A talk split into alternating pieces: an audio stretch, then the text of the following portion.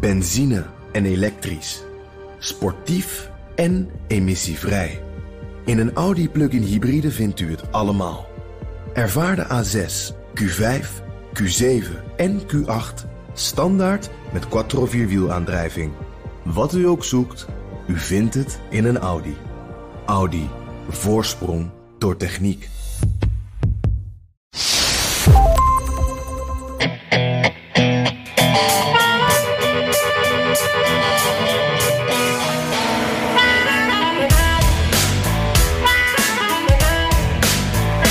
Is een drukte van belang in Washington waar Bidens infrastructuurplan een stapje dichterbij kwam, maar nog een lange weg te gaan heeft. En de Delta-variant diezelfde Biden met de neus op de feiten drukt.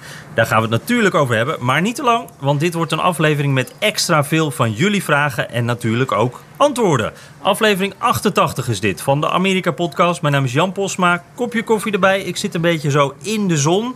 En je hoort misschien ook wel dat geluid op de achtergrond. Dat is niet uh, Biden met zijn infrastructuurplannen. Dat is gewoon een verbouwing. Ik ben even naar buiten gegaan, want binnen zijn de geluiden nog veel luider.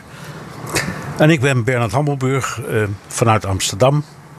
Ook met koffie, want het is hier, vind ik, afschuwelijk koud, Jan. Ik uh, had gerekend... Ik had gerekend op een beetje warmte, maar het zijn van die miserige dagen. Dus uh, binnen en gelukkig. Een Hollandse in, zomer. Ja, nee, precies, Hollandse zomer. En gelukkig wordt er in het gebouw waarin ik zit niet verbouwd. Dat is wel uh, heel lang het geval geweest. Maar hopelijk redden we het zonder onderbrekingen. En dat willen we ook graag, want we hebben heel veel leuke dingen te bespreken. Ja, precies. Uh, laten we eerst eventjes met uh, de actuele zaken beginnen. Uh, Infrastructure Week noem ik het maar even. Hè. Dat was onder Trump was dat een terugkerend iets, maar er kwam nooit wat van. Nou, nu zijn senatoren deze week bezig aan die grote infrastructuurdeal. Uh, 1000 miljard dollar, uh, 2700 pagina's dik. En uh, eigenlijk willen Democraten eind deze week wel een, een eindversie hebben voor de Senaat dan. En een stemming hebben daar. Uh, nou, daarna moet het Huis van Afgevaardigden nog. En, en eigenlijk, eigenlijk wil iedereen wel op vakantie. Want augustus, dat is altijd de warme, benauwde maand hier. Hè? Dan, wil, dan willen ze eigenlijk wel met reces. Ja, wat denk jij Bernard? Ga, gaat dit lukken allemaal? Nou, allemaal weet ik niet. Maar ik denk dit gedeelte van het traject wel. Omdat als je die 2700 pagina's doorleest, dat heb jij natuurlijk gedaan, Jan. Ach, ja, allemaal, ja, allemaal. Ja, nee hoor, maar ik heb, ik heb net als jij die samenvattingen gelezen. En het meest opmerkelijke daarin vind ik dat een deel van de ambities van Biden daar niet in staat. Zelf zegt hij, nog niet, want dat komt in de volgende fase. Maar bijvoorbeeld die uh, uh, overgang van fossiele brandstof naar andere vormen van energie, wat een deel was van zijn oorspronkelijke plan, dat staat er eigenlijk niet of nauwelijks in.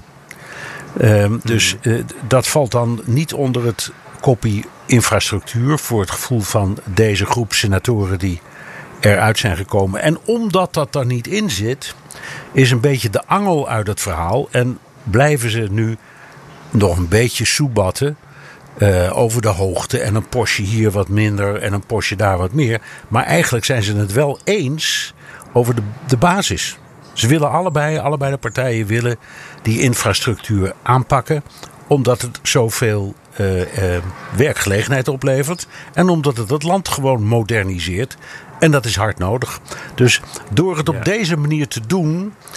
Ja, ik zeg nogmaals, misschien ben ik te optimistisch hoor.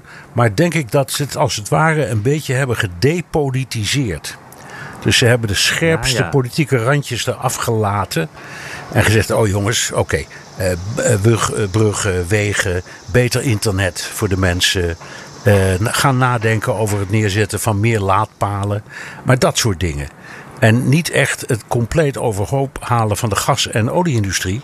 Want dat is eigenlijk iets wat Biden wel wil en waar de Republikeinen eigenlijk helemaal niet aan willen. Dus dat wordt deel 2 van. Uh, maar deel, ja. 1 heeft, deel, deel 1 heeft voor mij best een goede kans.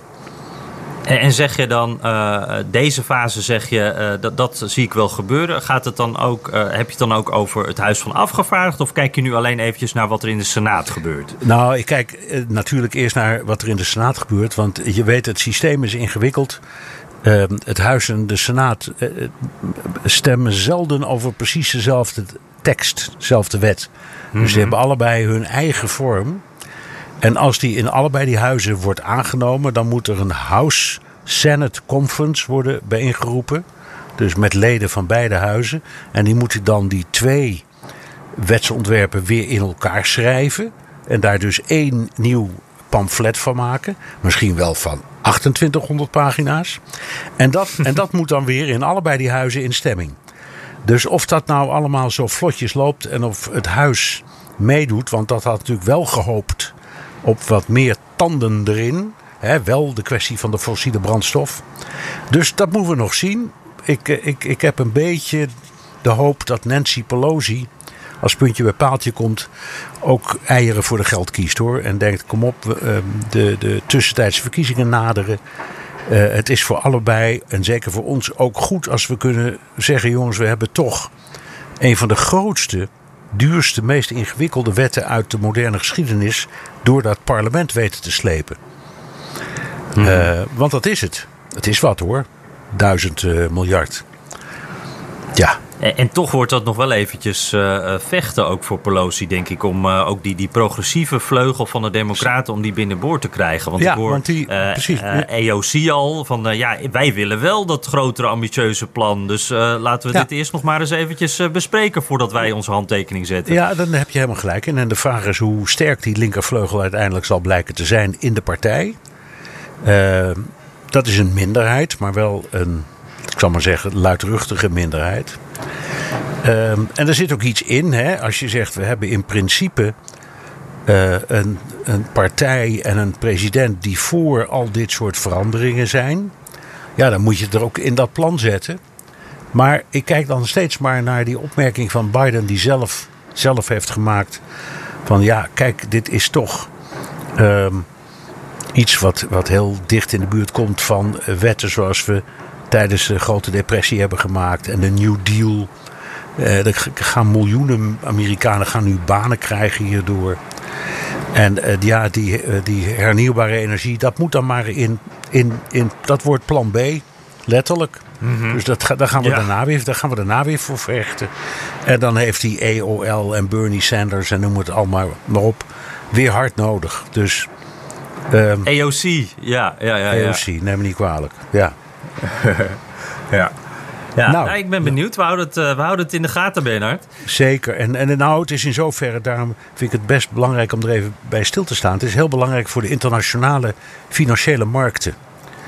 Uh, dit is nu typisch zoiets dat als het lukt, dan ga je dat zien. Ook op de AEX in Amsterdam. Uh, mm -hmm. En als het mislukt, heb je het omgekeerde. Dan, komt er, dan trekt er zo'n twijfel door al die financiële markten. En dat is nu net in deze periode onwelkom. Dus ook daarom hoop ik dat het lukt.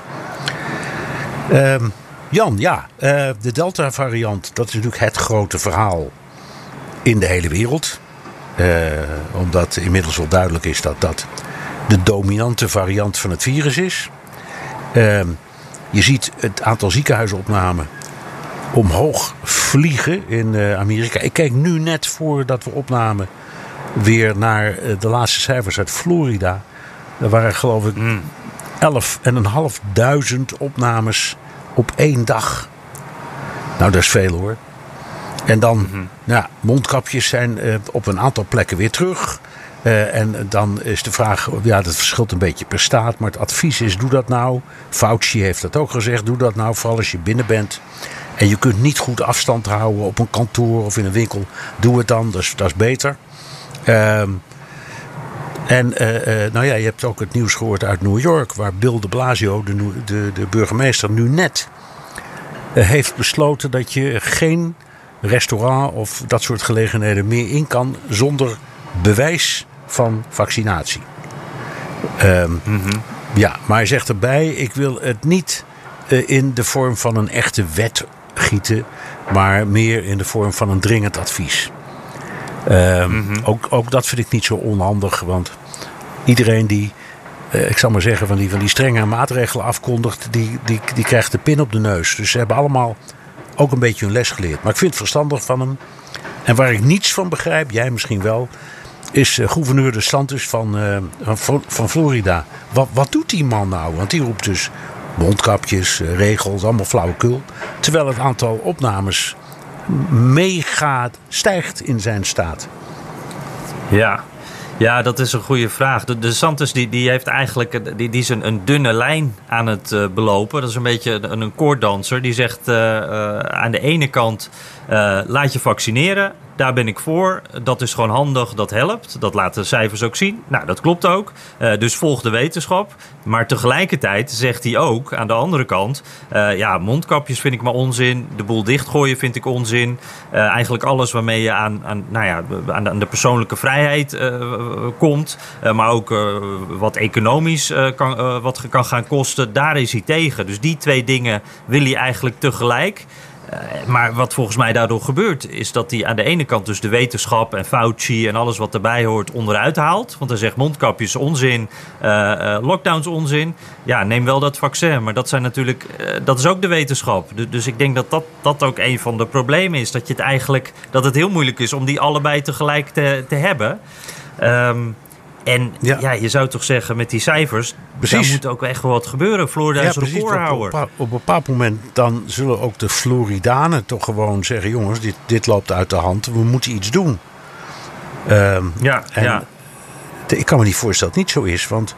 Ja, 10.500 besmettingen op één dag in een, in een land van 20 miljoen inwoners, of 21 miljoen. Dat is echt veel hoor. Dus, ja. Uh, nou, weet je, ik, ik, uh, want ik zat daar ook aan te denken. En, en wat, wat me. Nee, opvalt, ik, zeg het, ik zeg het fout. Ik zeg het fout. Besmettingen? Oh. Nee, ziekenhuisopnames. Ziekenhuisopnames, ja, oh, dat hoorde ik eens. Ja, ja, ja, ja. ja. ja. Ja, klopt. Want dat is natuurlijk besmettingen. Dat, dat zegt op dit moment wat minder. Want uh, ja, ja, ook gevaccineerden kunnen besmet raken. Maar dat heeft niet grote gevolgen in de meeste gevallen. Dus het gaat inderdaad om die ziekenhuisopnames. Dat zijn echt mensen die ziek zijn. En zo ziek dat ze het ziekenhuis in moeten. Dus dat is echt ernstig inderdaad. Uh, maar, maar wat jij zei, van uh, ja, de, de, die inwoners moeten dat toch ook gaan denken. Ik denk dat een deel ook wel even zich achter de oren krabbelt. Maar ik zat gisteravond weer eventjes Fox News te kijken. Dat doen wij regelmatig. Hè? En toen zat ik naar de Tucker Carlson uh, te kijken. Uh, en poeh, um, ik moet wel weer zeggen, de, de, als je dat dan op een rijtje zet, dan komt eerst een gast die zegt ja, uh, dit is niet meer wetenschap. Dit is een soort religie geworden, een cult. Er wordt niet meer kritisch naar de wetenschap gekeken. De ene keer zeggen ze het een, dan weer het andere. Uh, dat gaat met name weer over die mondkapjes. Wat een onzin. Uh, die Fauci zit er als een soort prins en die vertelt ons onderdanen maar wat we moeten doen. Nou, dat doen we dus lekker niet. de gast daarna uh, die, komt met een vergelijkbare. Uh, oh ja, dat was een heel verhaal dat ging over hoe Barack Obama een verjaardagsfeestje aan het organiseren is. dat is weer een verhaal apart trouwens. Hij heeft, geloof ik, bijna 500 mensen uitgenodigd in coronatijd. Nou ja, dan ben je wel behoorlijk toondoof, inderdaad. En dat, dat, dat past natuurlijk niet in deze tijd, wat voor maatregelen je ook treft. En of iedereen nou gevaccineerd is of niet. Maar goed, dat wordt dan een item ook van 10 minuten. En zo wordt zo'n hele uitzending gevuld met eigenlijk allerlei negatief nieuws over uh, vaccins die verplicht worden, over mondkapjes die verplicht worden. En, en het, ze zeggen natuurlijk niet letterlijk: uh, je moet het niet nemen. Maar als je daar drie kwartier tot een uur naar hebt geluisterd, ik denk dat dan heel wat inwoners van Florida denken van ja, uh, ik heb er nog steeds helemaal geen zin in, Bernard. En dit, dit gaat nee. avond na avond door. Ja, ja, ik weet het. Het is echt, het is echt een campagne. Nou, uh, we gaan het zien. Ik denk dat vroeg of laat ook uh, de Santos even door de knieën moet. Uh, omdat als het hmm. zo doorgaat, dan wordt het de, de, de, de hoogst scorende staat in deze pandemie. Nou, dat wil hij toch ook niet, ja. denk ik. Ja. Nee, Jan, hadden, nee precies. Jij beloofde uh, aan het begin van deze podcast dat we voornamelijk uh, zouden gaan praten over de luisteraars, vragen van luisteraars beantwoorden. Dus laten we naar de postzak gaan. Wat heb je allemaal gevonden? Ja, ja, ja. Terwijl hier de verbouwing doorgaat, uh, zoals je hoort. Uh, ja, we, we, gaan echt zo ver mogelijk uh, graven naar de bodem van die postzak, Bernard, deze, deze aflevering. En we beginnen met Jeroen. Jeroen Hes, Hesselenveld. En die, ja, die werkt voor die andere frisdrank- en voedingsmiddelenproducent uit New York. Hij, ah, dat is een verwijzing naar het drankje ja, dat jij wel eens drinkt. Ja, die zitten in Purchase, dat is in Westchester die andere frisdrankfabriek. Uh, en die doet het overigens, voor zover ik weet, wat de cijfers betreft, veel beter hoor. Dan die, dan die, zal ik maar zeggen, veel beroemder uh, uit uh, Atlanta. Maar leuk. Ja, oké. Ja. Onder andere omdat de familie Hammelburg dat dus uh, regelmatig drinkt, denk ik. Hey, en die zegt, ja. uh, jullie hadden eerder zo'n warme aanbeveling van het boek van Russell Shorto. ja, dat was The Island at the Center of the World. Hij zegt gelijk besteld, inderdaad, fabuleuze tip. Nou, dit is niet de eerste luisteraar die dat zegt. En wij hadden ook weer een luisteraar die ons erop attendeerde, waardoor we het erover hadden. Dus wat leuk dat dat zoveel weerklank klinkt. Uh, geeft. Even kijken. En ja, hij vraagt zich naar aanleiding van dat boek af. Hoe zit het eigenlijk tegenwoordig met die Native Americans, met die Indianen? Zijn er nog staten waar die een, een, grote rol spelen, waar ze van belang zijn? Of dat nou gaat om demografisch of politiek of economisch. Die Indianen, wat is daar op dit moment van over? Ja, niet zoveel.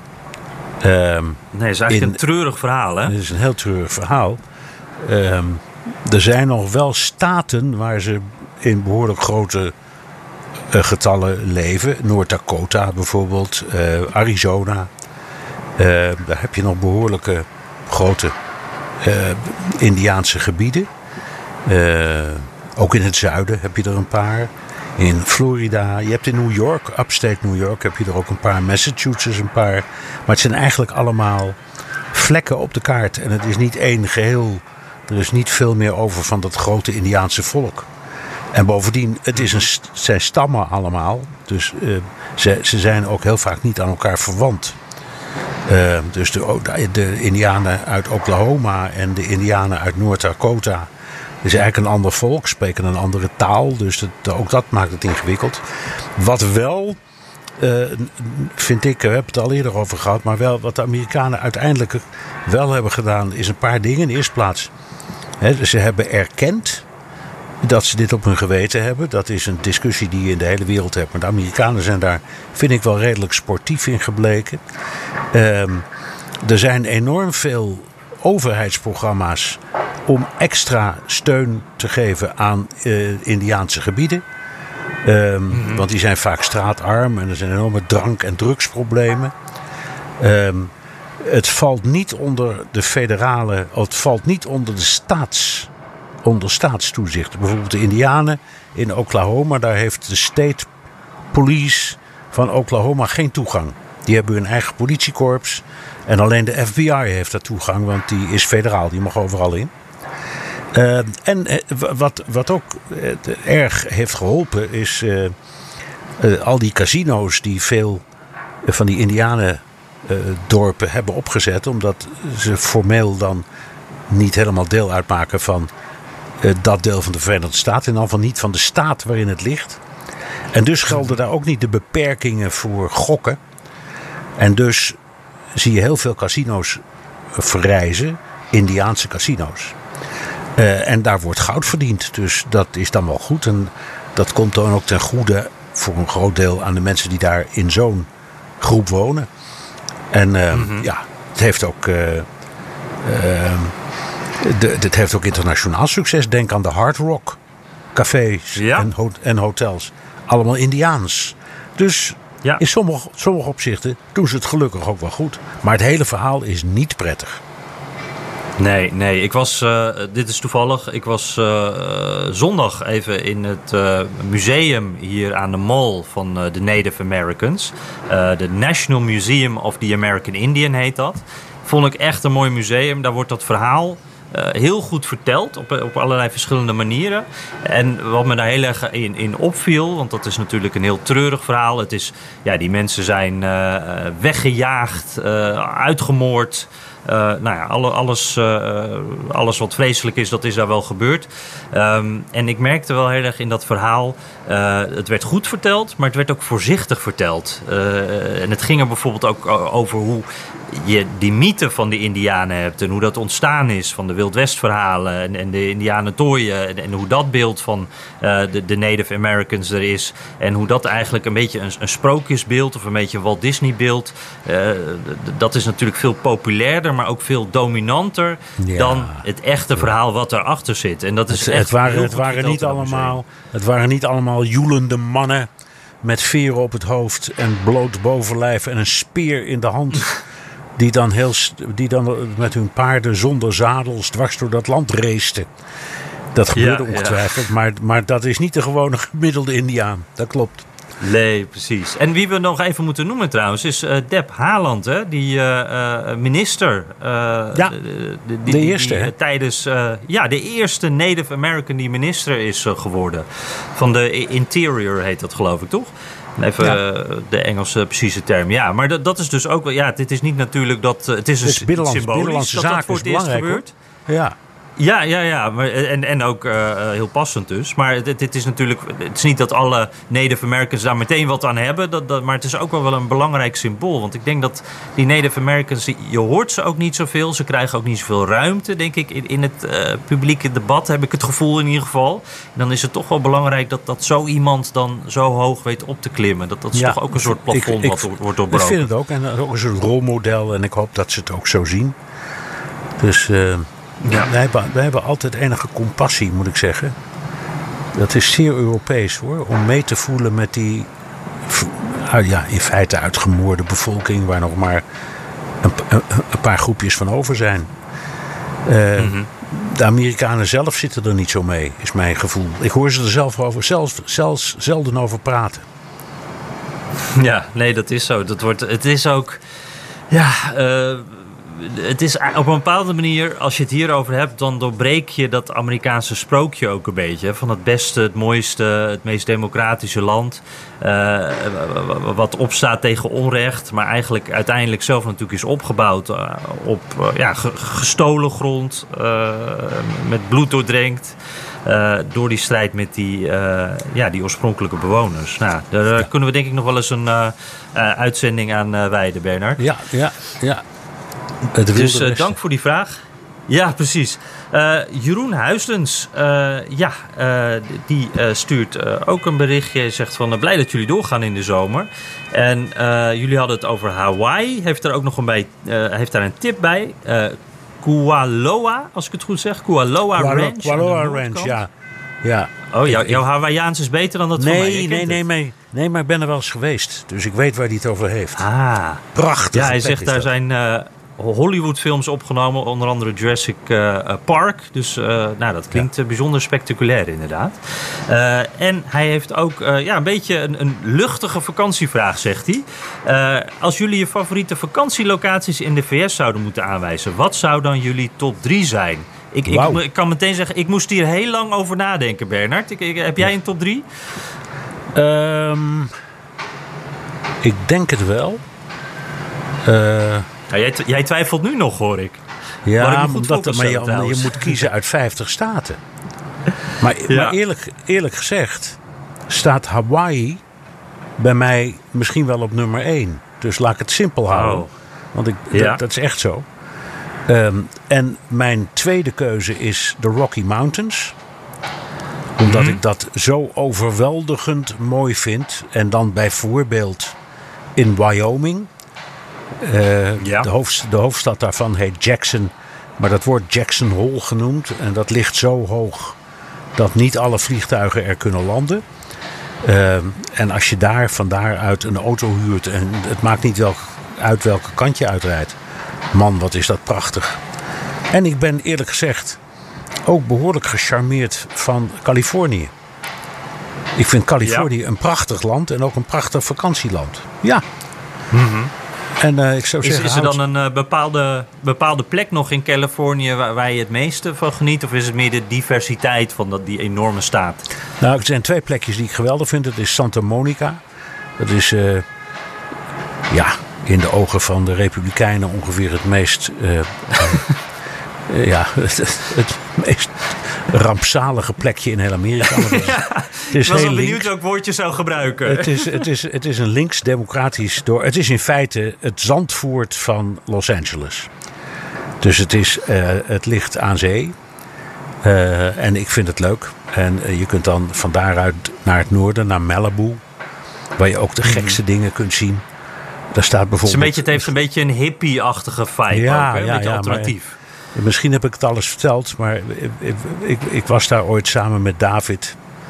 En ehm, in die tijd woonde. ehm, eh, ehm, hoe heet die? Jessica Deurlager en Leon de Winter die woonden daar. En die hebben ons meegenomen voor een tochtje. En toen reden we langs dat Malibu.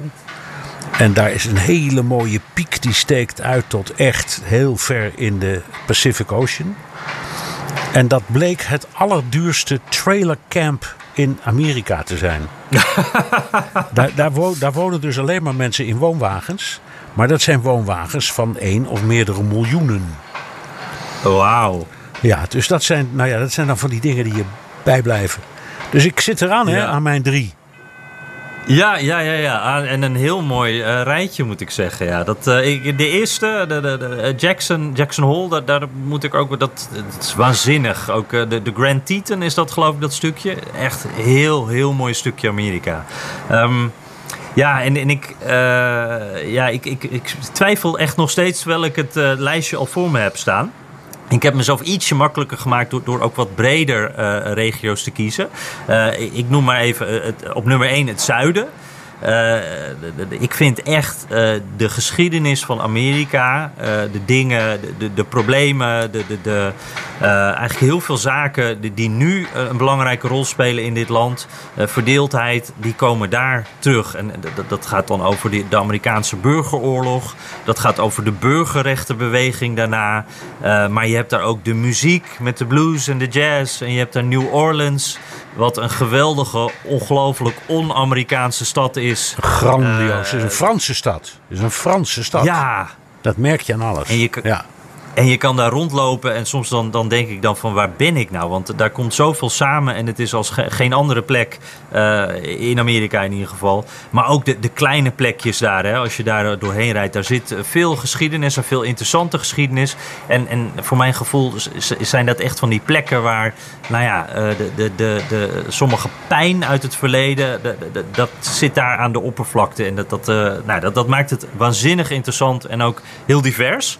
Ja, en, dus die route, en die route van New Orleans naar Baton Rouge, de hoofdstad. Als je dwars door met allemaal van die viaductconstructies, een hele lange weg is dat. Alleen maar door moerassen en, en, en wonderlijke wateren en begroeiingen Ja, rijdt. die bayous.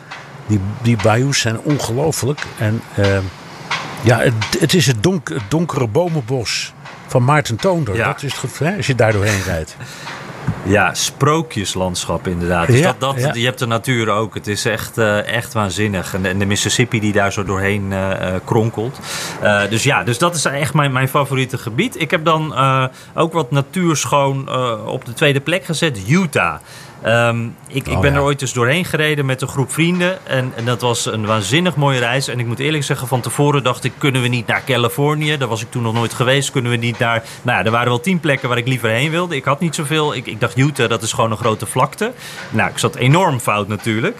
Alle landschappen kwamen daar die reis voorbij. Eh, soms in een dag ging het van gras naar, naar rotsen, naar bossen, alles. En die nationale parken daar, Arches, Bryce, Canyonlands. Ja. Ik, dat is echt een soort, ook een sprookjeslandschap. Ja, hè? Dat is echt is- ongelooflijk. Lu- Lucky Luke, hè? Met die, met, die Ja, idioot- met die idiote, raar omhoogstekende rotspartijen. Ja, het is fantastisch. En, Ja, eh, en ja, dus daar zou ik, eh, En kon je daar bier bestellen, Jan? Of, werd, of lukte dat niet? Want het is, droog, Utah. Ja, klopt. Ja, we hebben daar wel op plekken bier kunnen bestellen. Ja. Maar dat, eh, dat is ook wel grappig met die groep vrienden. Want ik ben daar met hun ook naar Tennessee geweest. En daar zaten we ook af en toe in dry counties. En dat was hier dus Ja. ook zo inderdaad. Dan moet je soms echt op een zoektocht.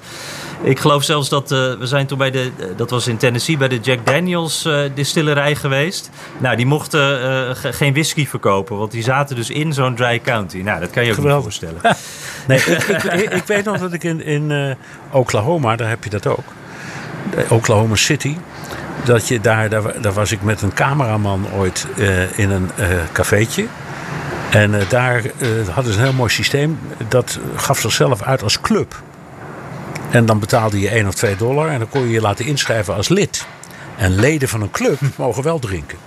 Ah, dus voor een nachtje was je dan, dan lid en dan mocht je daar een paar en, biertjes drinken. En daar had je ook van die flessen waar je naam op kon, weet je wel?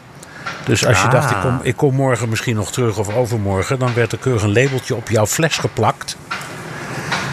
En dan Wat de goed, volgende zeg. dag. Geweldig. Ja.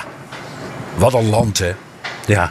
Ja, ja, heerlijk. Om het nog even af te maken dan. Uh, nummer drie. Uh, ik speel hier ook een beetje vals hoor. Want ik heb hier Savannah en Charleston. En dat gebied oh, ja. pak ik even samen. De nou Lowlands. ja zeg. Maar het zijn twee verschillende staten hoor. Ja. ja, precies. Maar dat zijn wel ook weer van die plekken die... Het, het is er het, eh, subtropisch gevoel. Het, zijn die oude gebouwen. Ook weer die geschiedenis die daar aan de oppervlakte komt. De natuur is daar mooi. Die lowlands daar, dat, dat, dat, die gula-cultuur. ja, het, het zijn echt plekken. Ik, uh, als we het erover hebben, Bernard, ik weet niet of jij dat ook hebt, dan denk ik meteen, ik wil er nu heen. Ja, Savannah en inderdaad Charleston. Uh, je, ja, je knip maar met je vingers en ik ben er. Ja, precies. Dus een, uh, een hele leuke vraag van Jeroen. Want ik, uh, ik, uh, nee, ik, bij mij gaat de fantasie meteen weer lopen. En wat ik ook heb, Bernard.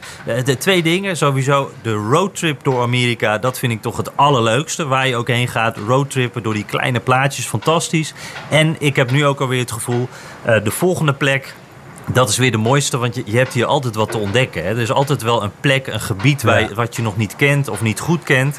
Er is altijd een volgend doel om naartoe te gaan. Zo is het, ja. Nou, um, laten we eens even naar deze mooie inspiratie. Uh, we gaan onze tickets boeken. Uh, naar John Huizer gaan. Um, ja, dat is even een heel ander onderwerp, serieus onderwerp. Uh, die zegt: Ik luister al met plezier sinds het begin enthousiast luisteraar ook. Uh, vaak tijdens de wandelingen over de grachten in Amsterdam of langs de vecht in Breukelen. Toch heb ik de stap genomen om na al deze uitzendingen mijn abonnement op de podcast stop te zetten. En hij zegt de druppel was uitzending 86. Uh, uh, en, en ja, daar was wat hem ja, tegenstond het gemak waarmee wij, ik citeer hem even voor, kritiekloos meegaan in het narratief dat tegenslagen in de coronapandemie veelal te wijten zijn aan de ongevaccineerden. Wat ook volgens artsen buiten de schreeuwerige media maar zeer te betwijfelen is. Van links en rechts kopiëren jullie cijfers en dogma's zonder kritische, kritische reflectie. En je zet ze vervolgens neer als feiten om de discussie uh, te framen. En hij zegt dan van ja, je moet juist zo zorgvuldig zijn met dit onderwerp. Uh, ik vind het lastig om er naar te luisteren uh, zonder me enorm te ergeren. En me ook zorgen te maken over het gemak waarmee een bepaald narratief geëchoed wordt. hij zegt wel, het gaat jullie verder goed met de podcast. Maar ja, John Huizer haakt af. Die luistert dus niet meer. Nou ja, het is jammer. En ik, ik, ik vrees dat hij dan ook niet naar ons antwoord luistert. Maar goed, misschien nee, anderen wel. Misschien uh, er zijn andere mensen die dat misschien ook wel vinden. Het zijn inderdaad narratieven, maar het zijne is ook een narratief.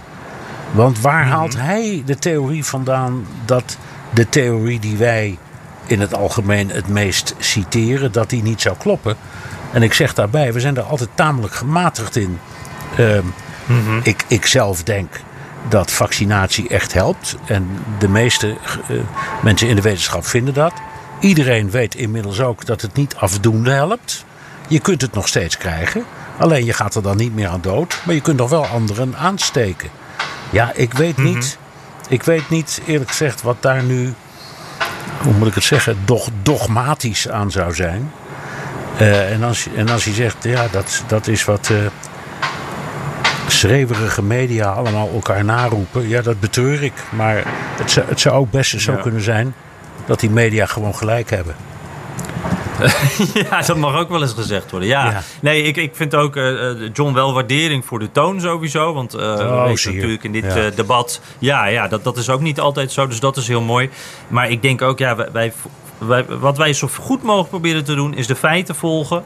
Uh, we volgen daarin ook de wetenschap, want dat zijn de mensen die er verstand van hebben. En ik heb nou eenmaal meer vertrouwen in iemand die daar uh, zijn beroep van heeft gemaakt en al jarenlang onderzoek naar doet, dan iemand die iets ja, uh, zegt op YouTube zonder meteen iedereen als, YouTube, als, als, als, zo, als complotdenker te willen neerzetten. Maar ja, er zijn nou eenmaal mensen die, die hier verstand van hebben. En ik denk dat we kritisch zo goed mogelijk dit proberen te volgen met alle nuances erin. Uh, als we andere ja. bewijzen zien, uh, dan staan we daarvoor open. Maar ik heb ze nog niet gezien. Nee. Nou ja, ik, uh, nou. jammer dat, dat hij het zo ziet. maar goed. Ja, Ja. Het is niet anders. Uh, Sam Albers, uh, een 25-jarige luisteraar, uh, die zegt: Jullie hebben het er al vaker over gehad dat er in de VS geen persoonsregistratie is. En dat de mensen het ook absoluut niet willen. Terwijl hier even wat bouwmateriaal op de grond wordt gegooid. terwijl toch, zegt hij, sociale media die doen precies hetzelfde. Kijk eens naar Facebook. Hier lijken de mensen veel minder problemen mee te hebben. Aangezien deze bedrijven wel alles van ze mogen weten. Heeft dit te maken met een stukje bewustzijn of iets anders? Nou, ja, Bernard, ik denk dan meteen dat, dat, de overheid is verdacht in deze. Hè? Dat precies. Uh, kijk, die, op die uh, sociale media, daar word je, om het zo maar te zeggen, lid van. Dus je, geeft, je wordt lid van een club. Of een platform, je noemt het zoals je het noemen wil. En daar, daar verstrek je gegevens. En, en, dan klik je op een bepaald moment ook eh, aan dat je, voor, dat je akkoord gaat met de voorwaarden. Dus het is in hmm. feite een doodgewone zakelijke overeenkomst die er wordt gesloten tussen jou uh, als gebruiker en het bedrijf. Uh, die persoonsregistratie is een zaak van de overheid. En in, de Amerikaanse, of in de, ik moet eerlijk zeggen, in de Engelse traditie, want daar komt het vandaan. Engeland heb je het precies zo. Daar bestaat een enorme weerstand tegen bemoeienis van de overheid. Dus je wil zo min mogelijk geregistreerd staan op wat voor uh, wijze dan ook. Maar het heeft niks te maken, vind ik, hiermee. Want je kan ook een abonnement op een krant hebben. Gewoon ouderwets. Wordt in de bus gegooid. Ik heb er nog een paar. Uh, nou, die krant die, kent ook mijn naam en mijn adres. En weet ook misschien nog, nog wel wat meer. Want misschien bestel ik wel eens iets op een advertentie uit zo'n krant. Ik noem maar wat. En dan hebben ze ook gegevens van mij. En ook die hanteren metadata. Dus, maar daar ben ik zelf bij. Mm Ehm, en het, je laten registreren dus het aangeven van een baby. Hè, dat is zo'n zo'n ceremonieel moment in het menselijk leven. Ja, dat gebeurt in Amerika niet. Nee. Ik moet wel zeggen, ik, ik snap wel wat Sam uh, ook, ook, zegt. Want ik, ik heb dat gevoel ook wel eens hoor. Ja. Want als je hier ziet, we hebben het er ook al vaker over gehad, hè, dat wantrouwen, hoe dat ook in de geschiedenis zit ingebakken met die hele onafhankelijkheidsoorlog natuurlijk. Daar zit ban, uh, dit land is daar, daar op, uh, dat is de fundering van dit land eigenlijk. Dus er is altijd argwaan naar de overheid. Maar als ik dan kijk wat de Facebooks van deze wereld doen en Amazon bijvoorbeeld ook. Uh, elk aspect van je leven, als je wil, kan je via Amazon regelen. Uh, die weten dus ook echt heel veel van je. En dat doen mensen dan toch zonder uh, daar voor mijn gevoel heel hard over na te denken. Terwijl als inderdaad de overheid één keer iets wil, uh, dat is dan meteen uh, groot alarm. En, en ja, het is soms echt ook wel op het belachelijke af hoe je hier in, in bochten moet wringen. Omdat geen enkel overheidsinstantie, nou ja, er zijn er vast wel, maar dat bijna geen overheidsinstantie met elkaar in verbinding staat. Waardoor ze alles, je moet alles tien keer invullen, alles moet maar. Uh, je, je, moet tien keer meer formulieren invullen omdat ze niet die centrale registratie hebben. Ja. En dan denk ik wel eens inderdaad van uh, het gemak dient de mens als het om boodschappen bestellen gaat en het krantenabonnement en je films kijken allemaal via hetzelfde bedrijf.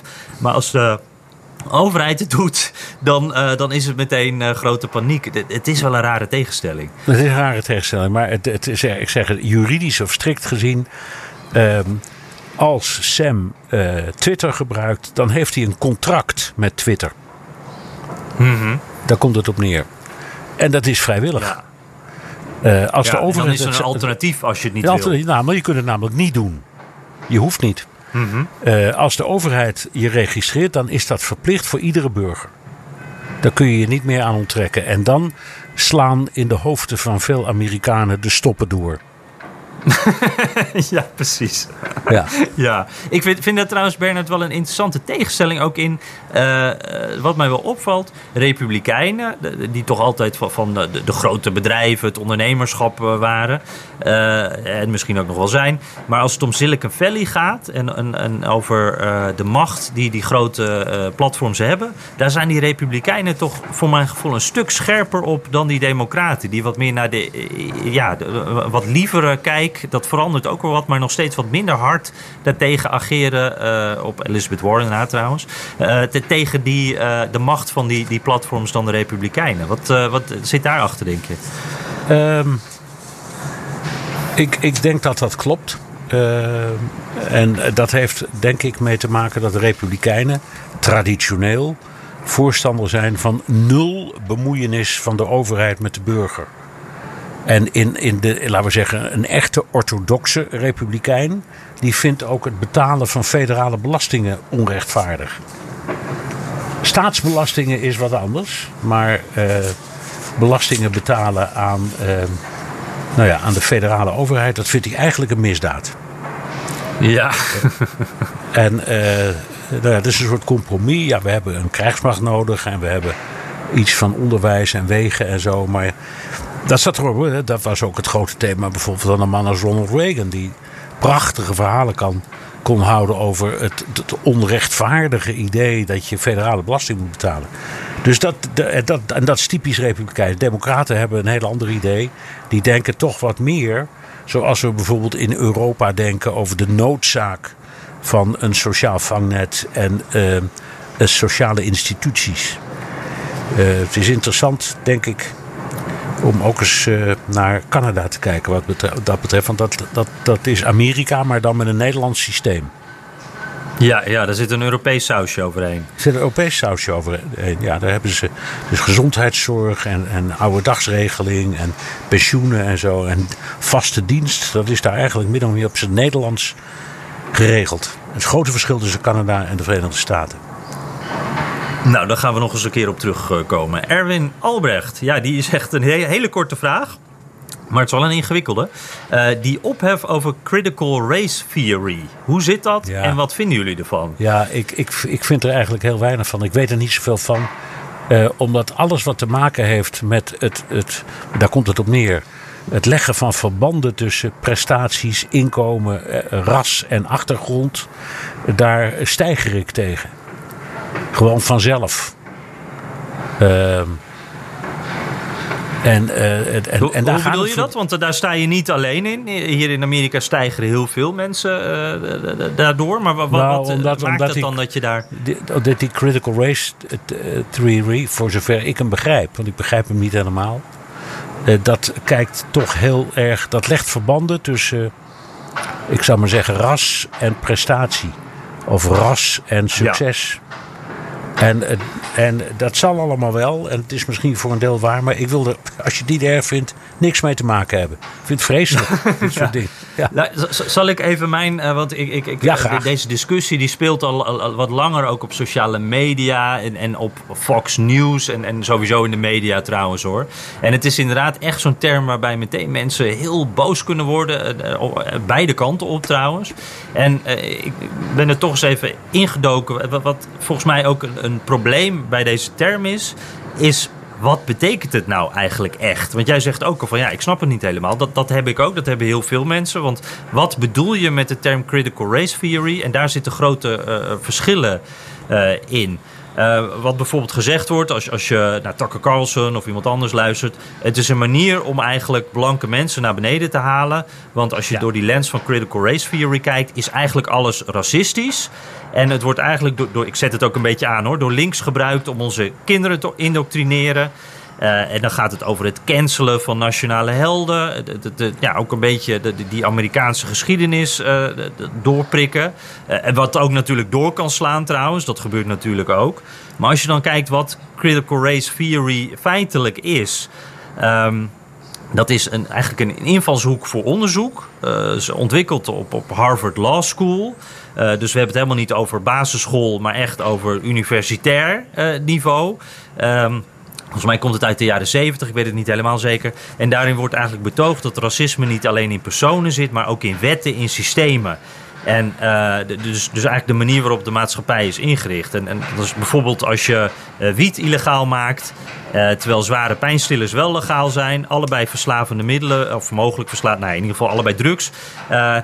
Maar dat zijn wel dan dingen. Zwarte Amerikanen gaan dan de cel in. Dat zijn meer mensen die wiet gebruiken. Terwijl blanken, uh, die meer aan de pillen zitten, die gaan niet de cel in. Dat, dat is daar een voorbeeld van. En wat volgens mij ook heel erg gebeurt. Ja, er wordt, we hebben het eerder wel eens gehad over communisme. Dat dat ook een scheldwoord is wat op dingen geplakt wordt, maar dat het de oorspronkelijke betekenis eigenlijk helemaal niet meer belangrijk is. Ik heb het gevoel dat het hiermee met die critical race theory ook gebruikt. Dat het geplakt wordt op dingen, ja, dat is het eigenlijk helemaal niet. Het kan. Ik, ik, ik, is ook zo, ja. Dat kan. Maar ik vind, het, ik vind het koppelen van al dit soort gegevens aan elkaar. Ik heb er altijd moeite mee gehad. Ik doe het liever niet. Waarvan akte? Eh, zullen... Ja, Ja? omdat hoe je het ook doet, je, je begeeft je op een glibberig pad. Ehm, om, je, je, je kan dit beter bekijken als blinde. Dus dan hoor en Dat- zie dat moet je even uitleggen. Je hoort wel wat iemand kan en wat hij presteert, maar je ziet hem niet. Dus je weet niet hoe hij eruit ziet. Ja, precies, precies. Ja. Nou, ik, ik, ik denk ook, het wordt nu een onderdeel gemaakt van publiek debat. Terwijl dit eigenlijk iets is wat in een academische omgeving gebruikt moet worden. eh, los van eh, emotie die juist bij een publiek debat hoort.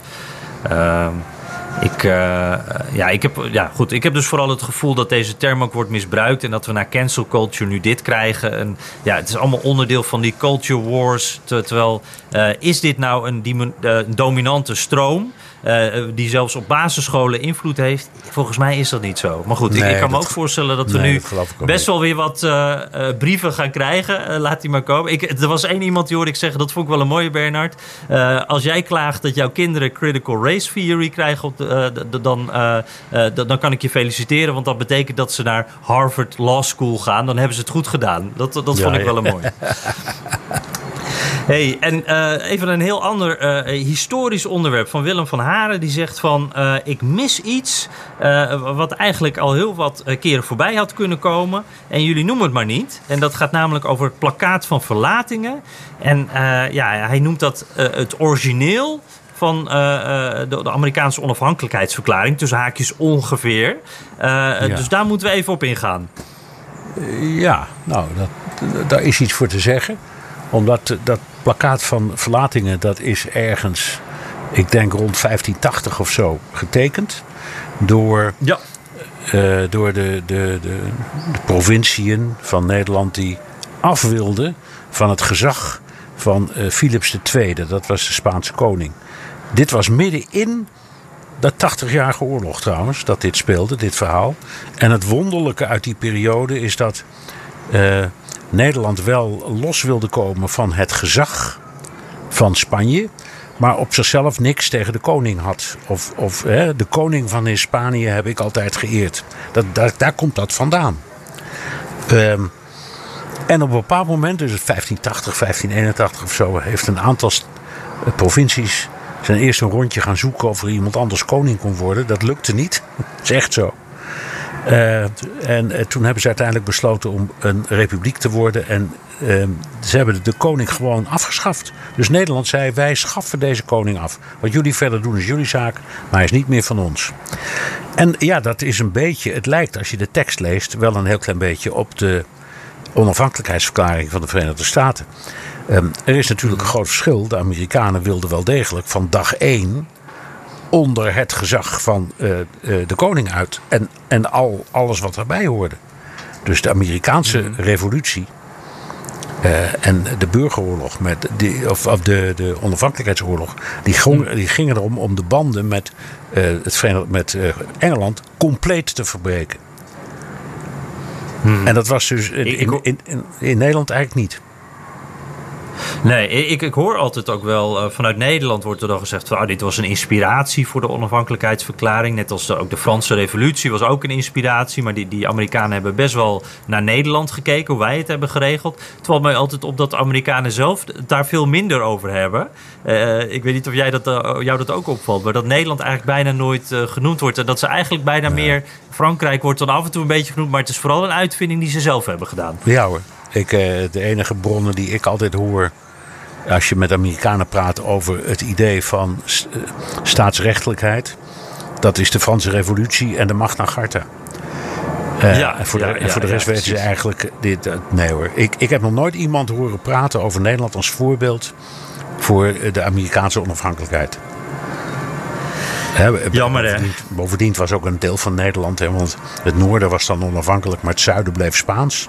Dus eh, het is nog heel simpel. Dus zo simpel is het niet hoor. ja. Goed. Hey, eh, Ivo Bouwman, eh, die zegt... ja, wij houden hem fit tijdens het hardlopen in het mooie Amsterdamse bos. Terwijl hier, ik weet niet of je het hoort, maar de kerkklokken geluid worden. Dat, dat is eigenlijk elke dag, of el- elke keer rond eh 12 uur 's middags is het hier op dit moment. Ehm, Prachtig. Ja. Ja, het is uh, lekker. Uh, voelt het ineens heel dorps hier in uh, Washington. Ik vind het altijd wel mooi. Um, ik wil reageren, zegt hij, op jullie discussie Biden versus Facebook. jullie noemen Biden zijn confrontatie met Facebook dom, een teken van zwakte, klagen bij je moeder, niet verstandig. mijn challenge, zegt hij, zou zijn, in lijn met Jans tegenvraag, wie in Amerika dan wel? Het congres, de marktwerking, big tech zelf. In mijn ogen staat de Amerikaanse democratie op een gevaarlijk kantelpunt. Uh, als men, en dus ook journalistiek, deze misinformatiebeweging bagatelliseert. Zij zegt eigenlijk van er zijn op dit moment zoveel onderwerpen, dat vaccineren, maar ook de democratie, uh, hè, met die bestorming van het kapitool eerder. Er zijn zoveel onderwerpen waarbij misinformatie een gevaarlijke rol speelt. Ja, dan moet de president het maar doen, want wie moet het anders doen? Uh, ik, Bernard, ik moet zeggen, wij, wij, een van onze conclusies was toch ook wel van ja, het is wel heel moeilijk. Wie moet het dan doen? Maar ook wel het gevaar daarin. Hè, van als een president, als, als de overheid dat doet, ja, die gaan dan bepalen wat waar is en wat niet waar is. Dat is ook wel, dat, dat blijft gewoon heel gevaarlijk. Ik, ik, uh, ik, mijn vermoeden is dat dit typisch is, is wat, wat in het maatschappelijk debat duidelijk moet worden. Dus dat moeten partijen met elkaar eens worden. Dus laten we zeggen, Facebook en de klanten van Facebook en degene die zich ergeren aan Facebook en degene die het omhelzen, die moeten een soort van concordaat zien te vinden. Er is geen andere mogelijkheid. En om van mhm. hogerhand wat dan ook te doen, ja, dat lijkt dan onmiddellijk op censuur of beïnvloeding, wat niet mag en niet hoort. En mijn grote probleem is al dat al die sociale media, dat zijn platforms. Ehm, en de andere media, dat zijn journalistieke organisaties. Dus die moeten aan criteria voldoen en die platforms niet. En mhm. ik, kan, ik weet ook de oplossing niet. En je weet, ik ben op dit gebied sowieso al een beetje een digibeet. Want ik, ik zit niet op die, ik doe niet aan sociale media. Uh, dit is overigens een van de redenen hoor. Want ik, ik, uh, ik wil ook niet in, in, in dat fuik worden gesleurd. Zal ik maar zeggen. Mm uh, maar goed, en jij? Want jij hebt er verstand van. nou ja, ik, ik, ik, heb er wel weer even aan zitten denken. Want de vorige keer inderdaad, toen, toen uh, beëindigden we het eigenlijk op het punt van... ja, uh, er moet wel er moet wel eigenlijk iets gebeuren, maar wij weten gewoon niet wie het moet doen.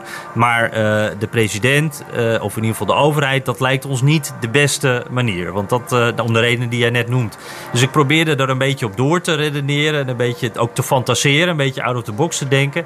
En toen dacht ik van ja, het enige, de enige rol die ik de overheid in zou kunnen zien hebben. Uh, zou ik wel heel terughoudend in zijn. Maar dat zou zijn als het dus echt onafhankelijk is. En bijvoorbeeld dat je een soort dependance van het Hoge Rechtshof zou hebben. Of, of een soort andere rechtbank, een soort hoge onafhankelijke rechter. Waarbij je dus in ieder geval ja, probeert die onafhankelijkheid vast te houden. En dat mensen niet kunnen zeggen van wacht eens eventjes. Vooral in deze tijd trouwens waar twee verschillende waarheden naast elkaar bestaan.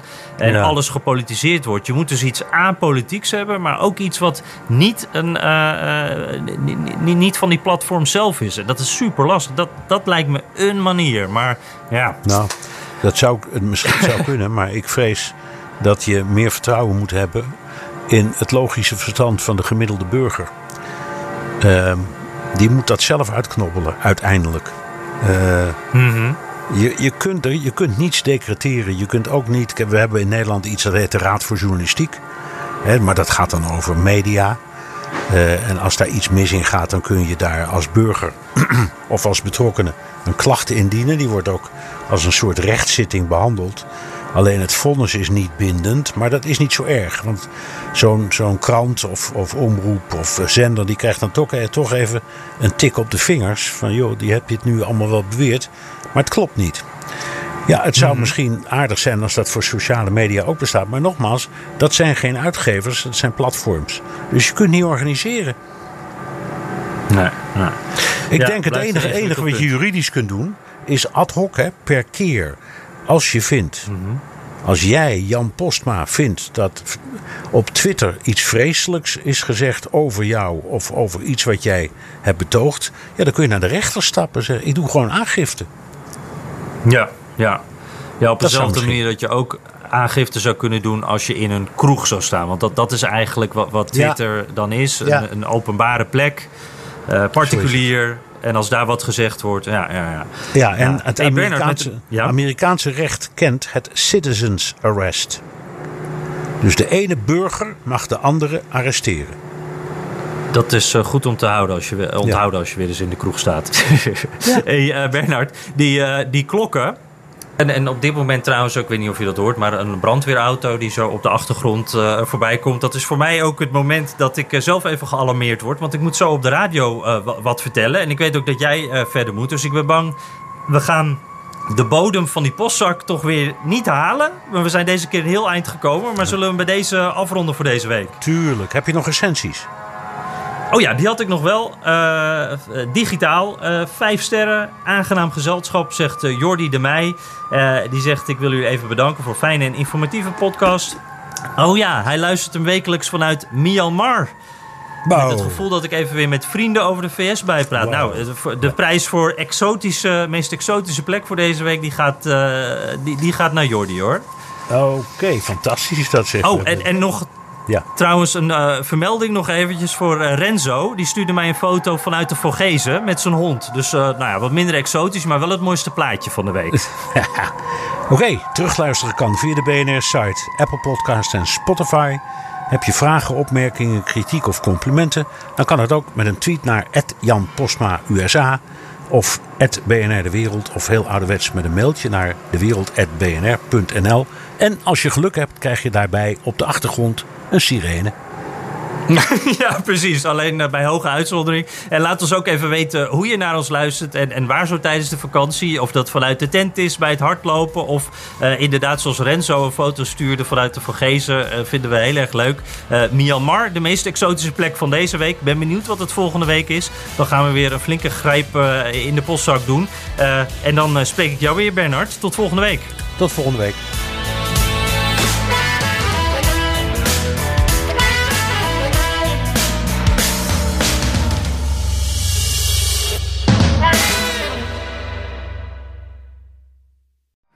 Benzine en elektrisch. Sportief en emissievrij. In een Audi plug-in hybride vindt u het allemaal. Ervaar de A6, Q5, Q7 en Q8 standaard met quattro vierwielaandrijving. Wat u ook zoekt, u vindt het in een Audi. Audi. Voorsprong door techniek.